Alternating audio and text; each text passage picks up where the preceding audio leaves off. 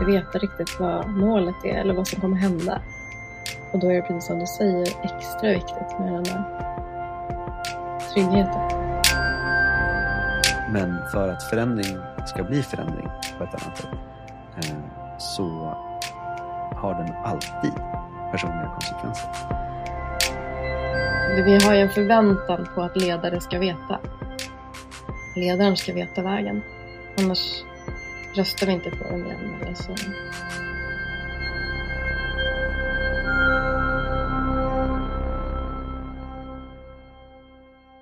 Jag har läst en bok. om- Grattis! Tack. Om förändring. Ja. Så jag tänkte vi kunde prata lite om det. Att förändras. Jag hatar att förändras. Mm. Varför det? Nej, jag skojar. Nej. Eller jo, det är lite sant. Jag tycker inte alls om att förändras. Åh, det är jättejobbigt.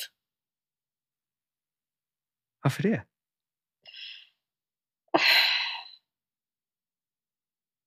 Det är ju läskigt.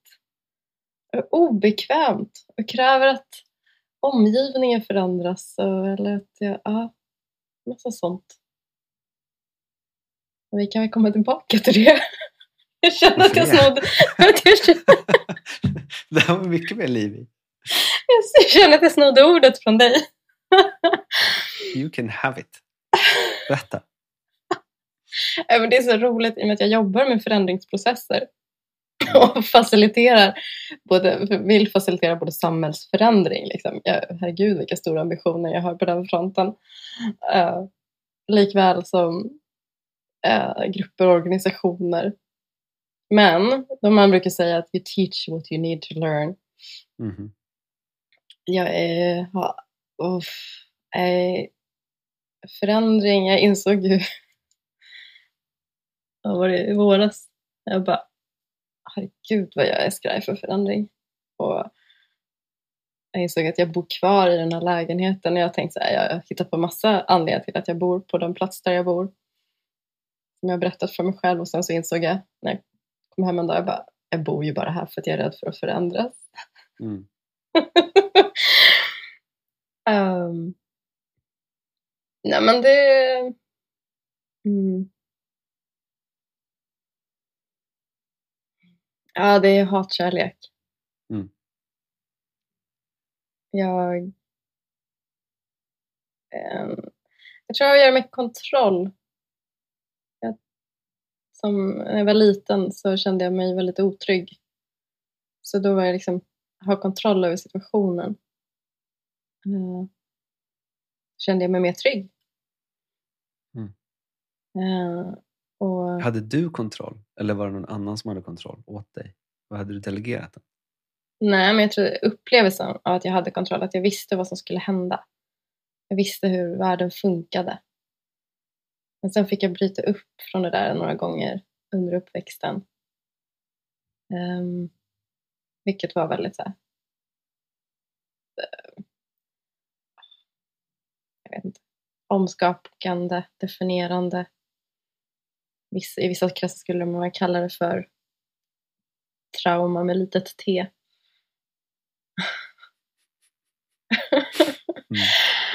Um, Eller bara trauma? Ja. mm.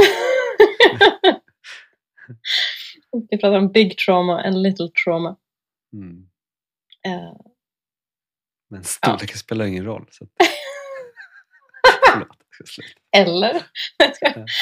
Nej, skämt åsido um, Ja, nej, men eh, de, eh, de ja, men så som att vi eh, flyttade från Stockholm till Luleå när jag var, skulle fylla nio. Mm. Då fick jag också bevisat för mig hur mm, hur jobbigt det kan vara med en förändring. Liksom. Så då växte den där kontroll, kontrollfreaket i mig. Nej, det är inte snällt att kalla det så, men kontrollbehovet blev ännu Mm. starkare. Eh, mm.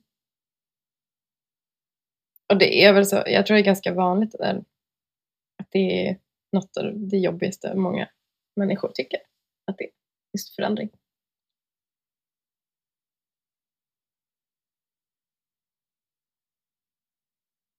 Är inte det att tala inför folk som brukar vara där högst upp? Är det mm, säkert. Men det, är, ja, det här är spännande för jag tycker du pekar på någonting som är, känns levande för mig också. Att å ena sidan så är det det jobbigaste som finns, å andra sidan så i, viss, i, i en viss kontext så har jag jättemycket tolerans för just förändring. Um, men att den där förändringen som... Eller så här, jag trodde att jag hade väldigt mycket tolerans för förändring. Det var bara det att det var det den där boken som jag började prata om pratar om. Att mycket av förändring kan komma och behöver stöttas utav det som finns upplevs som yttre omständigheter. Så, att det är väldigt viktigt att det finns ett stöd för en viss förändring för att det ska kunna bli till. I en arbetssituation till exempel så kan det till och med vara viktigt att den initieras utifrån. Liksom att man får en tillåtelse att okej, okay, gå, kör. Även om det väldigt, väldigt sällan kräver extremt mycket av en ledare för att kunna ge den typen av tillåtelse. Men det är ändå så att här, det skulle kunna ske. Men för att förändring ska bli förändring på ett annat sätt eh, så har den alltid personliga konsekvenser. Om man inte har en personlig konsekvens, en personlig förändring i botten eller i närheten eller liksom kopplat ganska direkt till det förändringen, den förändring som man försöker göra så är det väldigt sannolikt att det inte är någon förändring. Eller även om det ser ut som en förändring på ytan så händer ingenting sen. Man kan komma in i ett rum och så sätter man sig och så bestämmer man sig att man ska förändras och alla är med.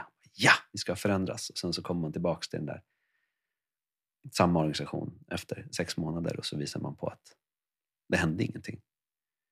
Och skillnaden då mellan det och säga, sätta sig i det där rummet och mena på ja, vi ska förändras. Och så, hur hjälper vi varandra till att förändras och hålla varandra?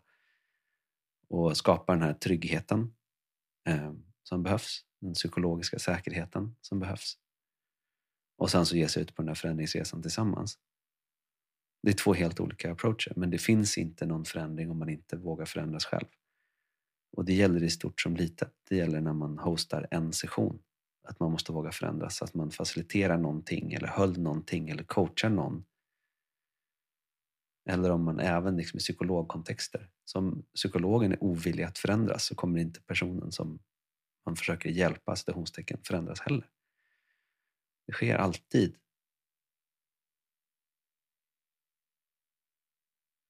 internt och i kontexten simultant på något sätt. Liksom att det alltid sker samtidigt. Och så tänker jag mycket på det där som du har, det perspektivet som du har bjudit in mig till, som är att förändring i dagsläget kan ju innehålla både det som vi, vi, du och jag kanske pratar om som transformation, men också det som kanske kan kallas för som anpassning och anpassningsrörelser. Så, vill du bena i de begreppen? Känns det levande? Mm. Mm. Mm. Eh ja, det finns ju... Man kan eh, prata om förändring i tre, tre sätt. Eh, mitigate, adapt and transform. Um, hjälp mig nu med en engelska. Mitigate blir att förminska, mildra. Mm. Mildra sin påverkan. Eller... Ja. Plåstra om, helt enkelt. Plåstra, precis. Om man tar relation till klimatet, hållbarhet, liksom, då är det mer att ja, mildra sin påverkan på klimatet. Mm. Vi släpper ut lite mindre. Mm. Typ. Degrowth. Vi ska ja. växa bara på ett annat sätt. Ja, precis. Adapt är ju att eh, anpassa sig till omständigheterna. Att, eh, låta, att anpassa sig tillsammans med omständigheterna skulle man kunna säga. Följa, följa strömmen och anpassa sig utifrån hur, vad som, liksom, hur andra, vad som händer runt om en. Kan man kunna säga så? Transform i att helt byta bana. Att byta. Ta en annan väg. Mm. Och det är väl ändå trans transformationen som kanske är läskigast. Mm. För den är ju verkligen, om man tar relation till och mina känslor kopplat till förändring, så är det ju att, ja, det är att inte veta. Inte veta riktigt vad målet är eller vad som kommer hända. Och då är det precis som du säger extra viktigt med den där tryggheten. Psykologiska tryggheten eller att ha andra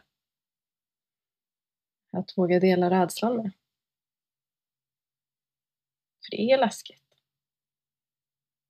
Jag tror att det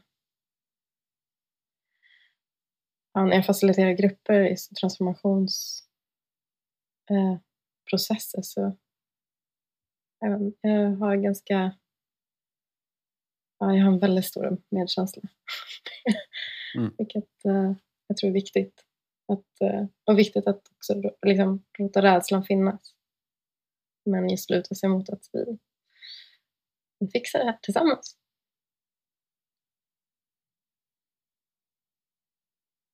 Mm. Men det, det, finns ju någonting som är spännande i det också därför att på något sätt så är det ju alltid all förändringsprocess jag menar det kategoriskt. All förändringsprocess innehåller någon typ av friktion. Och den friktionen måste man förhålla sig till på något sätt. Och ibland så hör man folk som säger Jag älskar förändring, det är så coolt och det är som så här, Det blir någon, en kick av att gå in i den där friktionen och gå in i det där ovetandet. Liksom. Och man, på, på det sättet går man in med super, man är på helspänn på ett visst sätt och andra har, har ett motstånd mot det där.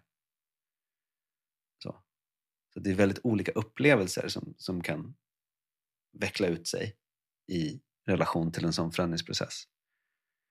Eh, och de har ju olika styrkor och svagheter. Så, de får olika konsekvenser i alla fall för hur förändringsprocessen tar sig uttryck.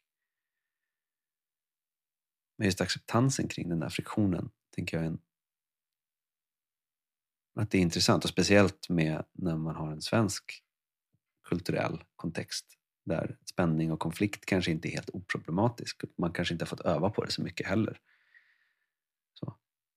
Men jag hade en sån insikt personligen häromdagen. Att så här, um, jag har haft en historia om att jag har problem med mitt temperament eller att jag har ett väldigt starkt temperament, ett hetsigt temperament. Och det har varit, ett, ett tag så var det så här, ja men det är inget problem, utan det är bara ett hetsigt temperament, det får man hantera. Och sen så var det en historia om att men jag vill nog liksom inte vara så arg. Det vore skönt att inte bli så arg. Eh, och sen så kunde jag känna att i svåra samtal så hade jag också väldigt lätt att bli just arg. Och nu på sistone, bara sista året eller sånt, så har jag liksom upptäckt den lilla rösten. Den väldigt, väldigt tysta lilla rösten under. Som är just rädslan som du pekar mot som är väldigt subtil. Men när jag började förstå att ilskan en, ett skydd från att jag inte skulle behöva se rädslan eller uppleva mig själv som liten och rädd. Um, då har jag i alla fall, liksom, nu, just nu är jag på ett ställe där jag åtminstone kan se konturen av den där rädslan. Liksom, jag, jag, kan se ungefär vad det är, vad det är som saknas. Så, så kan jag gissa lite. Um, var den kan tänkas komma ifrån och sånt där. Men den är fortfarande väldigt påtaglig. Men just bara i, i att vara med den rädslan och acceptera att den finns.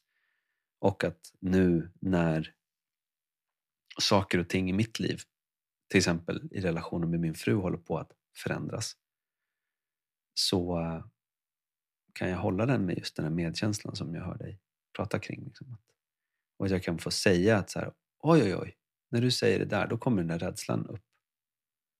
Han, han, han som är rädd i mig. Eh, nu är han väldigt närvarande. Nu behöver vi gå lite långsammare, lite varsammare och jag behöver vara väldigt liksom, medveten om vart det drar iväg. För han är, han är duktig på att liksom, ropa in storebror, eh, ilskan, så, och, och ta hjälp. så här, ta språng mot och försvara sig och slå bort. För den är obekväm. Eh, och den, den pratar som om att jag ska dö. Och på något sätt så tänker jag att just att förändras är ju också att dö. Mm.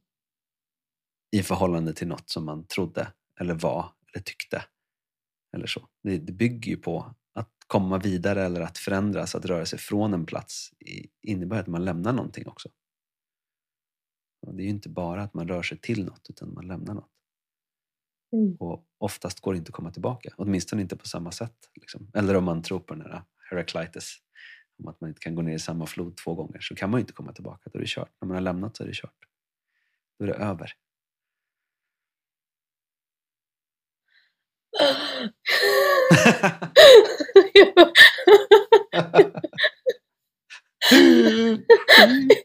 Paus! Pausa inspelningen. Mm. Jag så Fysiska. Jag inser just när vi pratar om relation. Ja, det är min stora, stora, stora akilleshäl. Eller akilleshäl är rätt ord. Mm. Ah. är min nya relation så har vi sagt att vi vill ehm, eller ny, ett och ett halvt år, men att vi vill liksom, att vi sätter först att utvecklas tillsammans. Att ut, eller inte nödvändigtvis tillsammans, men att låta varandra utvecklas. Stötta varandras utveckling. Det är förändring. Mm. Och samtidigt har jag liksom personligen så otroligt stort behov av den där kontrollen som sagt. Att, oh, jag behöver få vila i att jag vet hur läget är. Hur det är just nu. De där, de eh, ja, rediga ut, utmaningar liksom.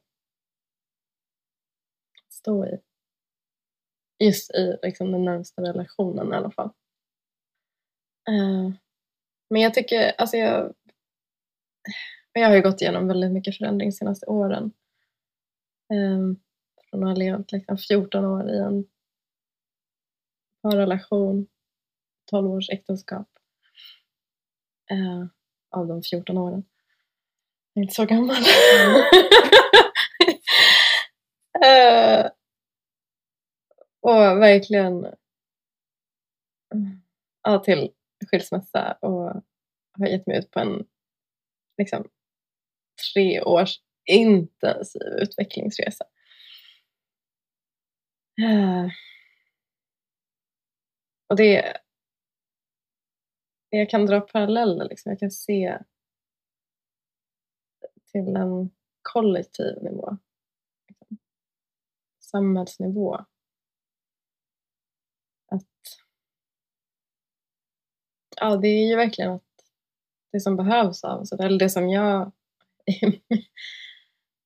eller det som vi på något sätt proklamerar vill dra med samhället på i en förändringsresa som rycker upp, rycker upp oss liksom ur, med, ur jorden.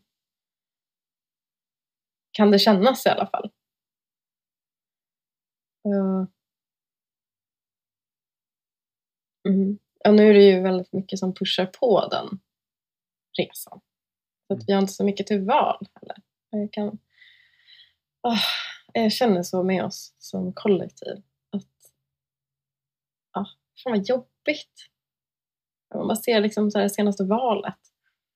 Jag följer väldigt många runt mig som är väldigt, väldigt oroliga liksom, över valresultatet. Och sen väldigt många som är glada för valresultatet. Och, eh, och samtidigt känner jag så här, ja, det fanns ju inget eh,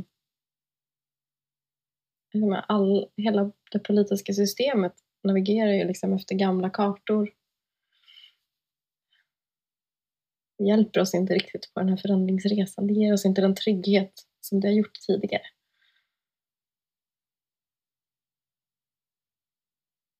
det är skakigt. Och ännu viktigare då att kanske ankra i, men vad är det um, vad är det vi vill?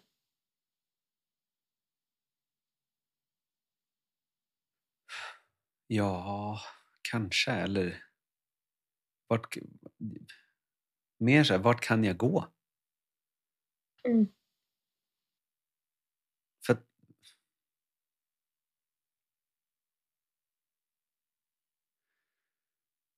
Sen, sen finns det ju något annat, liksom, apropå döden. För det känns det som att vi är så rädda för att just saker och ting ska dö och därmed förändras. Att vi till, liksom, till varje pris fortsätter underhålla någonting som man inte ens njuter utav eller tycker är roligt eller liksom som ger en glädje. Mm. Jag hade ett sånt samtal med en, en väldigt nära person häromdagen och så var ett sånt, alltså en, en, vid något tillfälle så kom vi till en punkt i diskussionen där det var så här, ja men det, är, så här, det kanske inte är så himla bra men, men det är jättemånga som har det så här. Och då sa jag, ja men är det anledningen till att ha det så här? Om vi, kom, om vi, om vi håller med varandra om att det är så här vi, in, att vi inte vill ha det så här. Alltså, var, varför ska vi då hålla kvar varandra? Och det finns ju vet, Mikael Dahlén eh, som är en gammal forskare på Handels som forskar om lycka och beteenden och sånt numera. Och som pratar om, där han har någon sägning som jag tycker är så himla bra, att här, vi förändras tillsammans eller inte alls. Eh, det, det relaterar väldigt starkt till hur system, alltså Gregory Bateson då, som är systemteoretiker, han säger också liksom att vi är, det är inte vi som förändras, det är kontexten som förändras och vi förändras med den. Så, det sker samtidigt. Det är två, det är liksom, antingen så förändras, om vi skulle förändras så förändrar vi vår kontext eller vice versa, eller så byter man kontext. Så, men du kan inte, man kan inte vara förändrad kvar i exakt samma kontext, det funkar inte.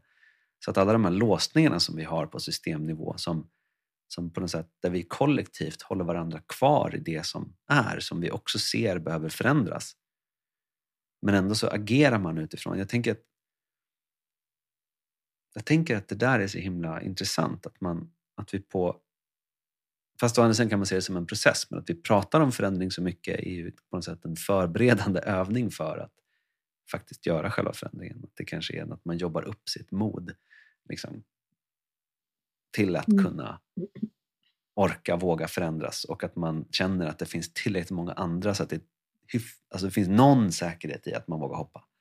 Mm. För det kanske är någon som, det verkar vara, det är inte helt osannolikt att det är någon som fångar en. Att det fång, finns någonting som fångar på andra sidan.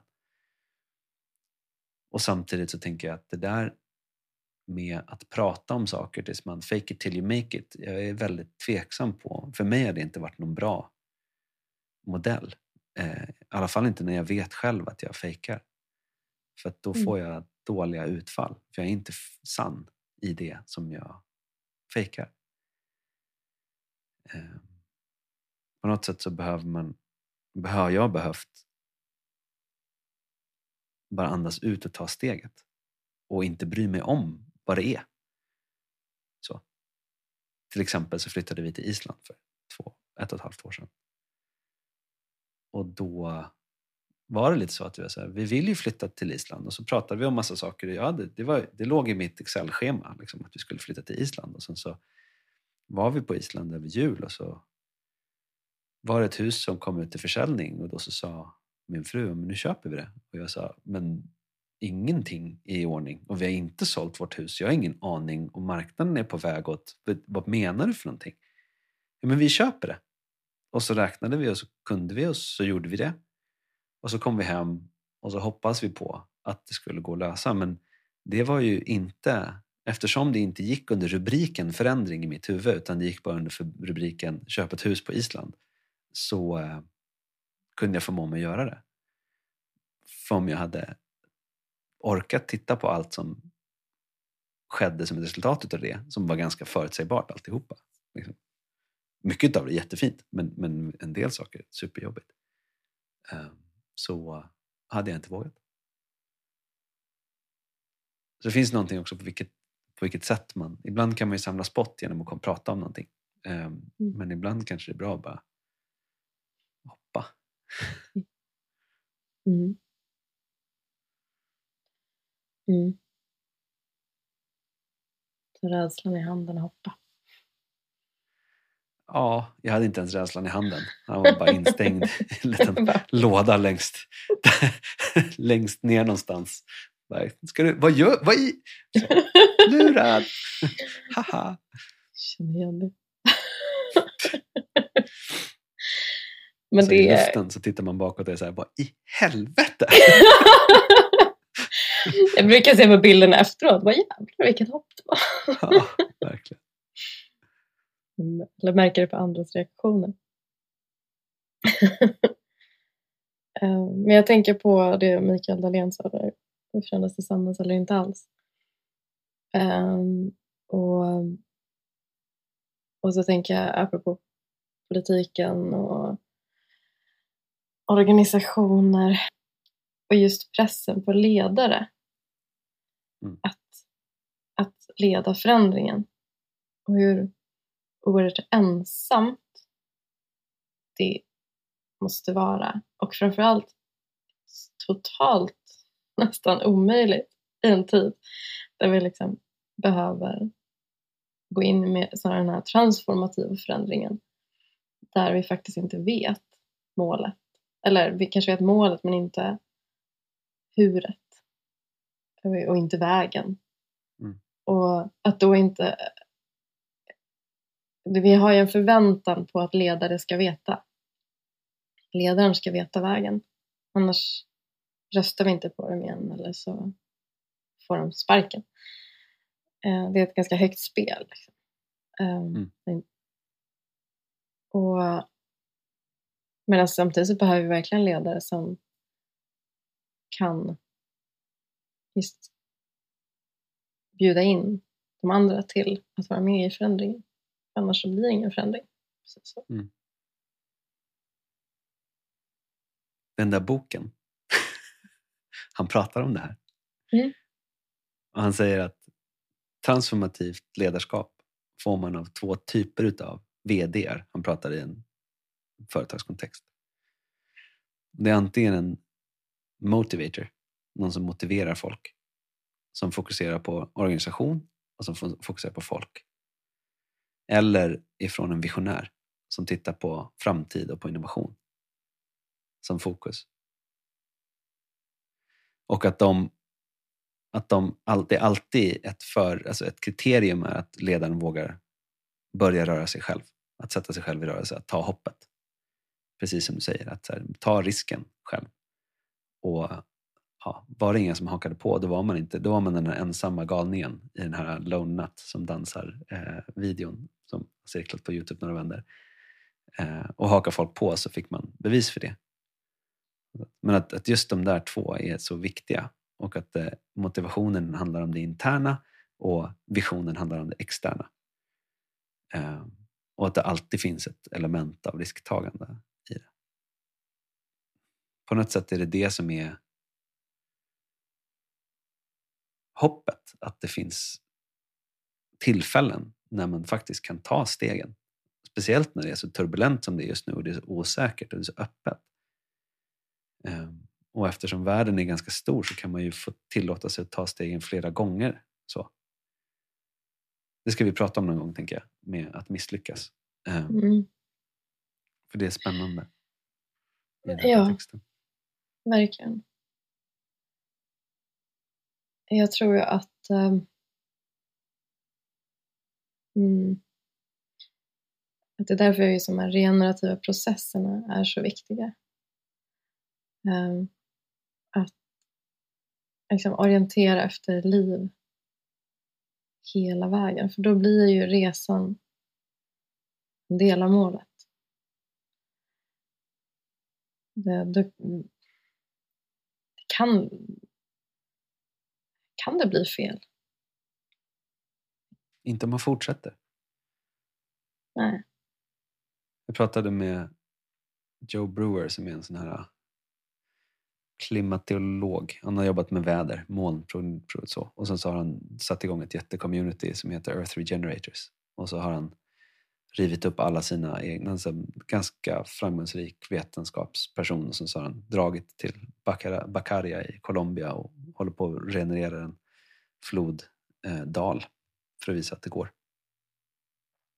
Jobbar jättefysiskt liksom, på marken. Eh, och så samtidigt har han ett community som är ganska många tusen människor över hela världen nu. I det här tillfället. Och han sa just det, han sa, för jag vet ju vart jag ska och vart jag måste. Och så får jag bara fortsätta försöka. Liksom. Och innan mm. jag har slutat försöka så är det ju inte slut. Så då kan man inte säga, då har jag ju bara lärt mig saker. Inte mm. misslyckats. Precis. Precis. Mm. Det kommer tillbaks, det finns en sån här... I buddhistisk filosofi, eller vad man ska kalla det, alltså tradition, så finns det fyra fällor till mot att fortsätta förändras, att fastna, som man kan fastna i. Eh, och då är det först rädsla. Det är den första barriären, första porten som man vill kliva igenom. Och den andra är Nej, första, första är icke-vetande. Man vet inte. Man har inte, man har liksom inte vaknat än. Så. Sen är det rädsla. Man blir rädd för att. Sen är det säkerhet. Mm. Man är så säker på att man har lösningen, har grejen, har vad det nu är för någonting som behövs. Liksom att man vet allt. Där kan man fastna. Och sen är det eh, ålder. Alltså att man inte orkar.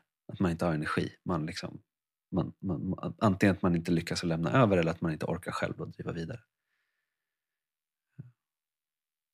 Jag tycker de är väldigt...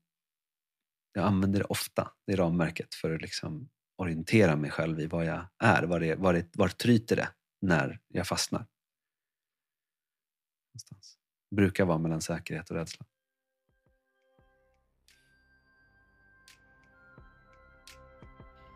Mm. Mm. Hur knyter vi ihop det här då? Gjorde vi inte just det?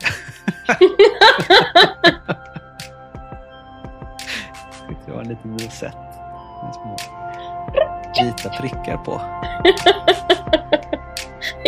det får duga för jag måste dra iväg och hämta barn.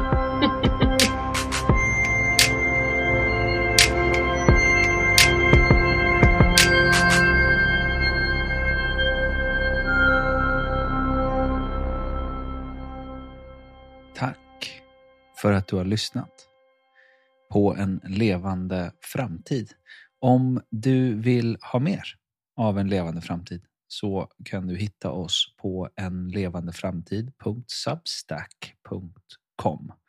Och den länken hittar du i avsnittsbeskrivningen också förstås. Där kan du prenumerera och eh, stötta oss om det känns rätt. Vi hörs snart igen.